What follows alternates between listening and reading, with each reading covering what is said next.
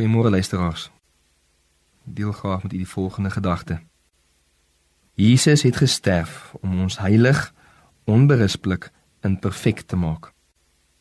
Hoor wat sê Kolossense 1 vers 21 en 22.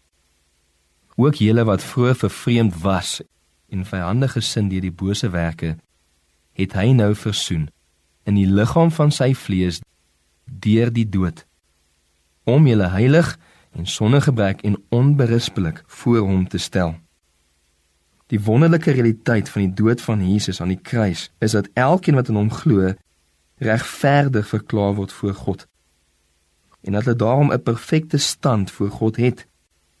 Die posisie van elkeen wat in Jesus glo op grond van wat hy in hulle plek bereik het, is dat hulle heilig, onberispelik en perfek voor hom en in hom is. Dit is hoe volledig die werk van Jesus aan die kruis is.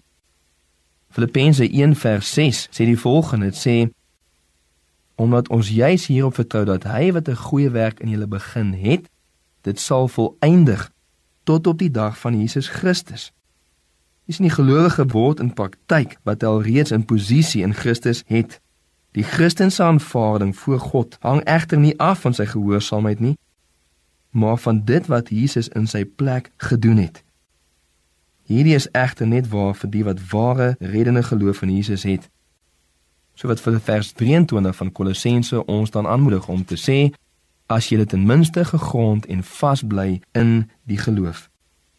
Elkeen wat glo in Jesus is heilig, onberispelik en perfek vir hom.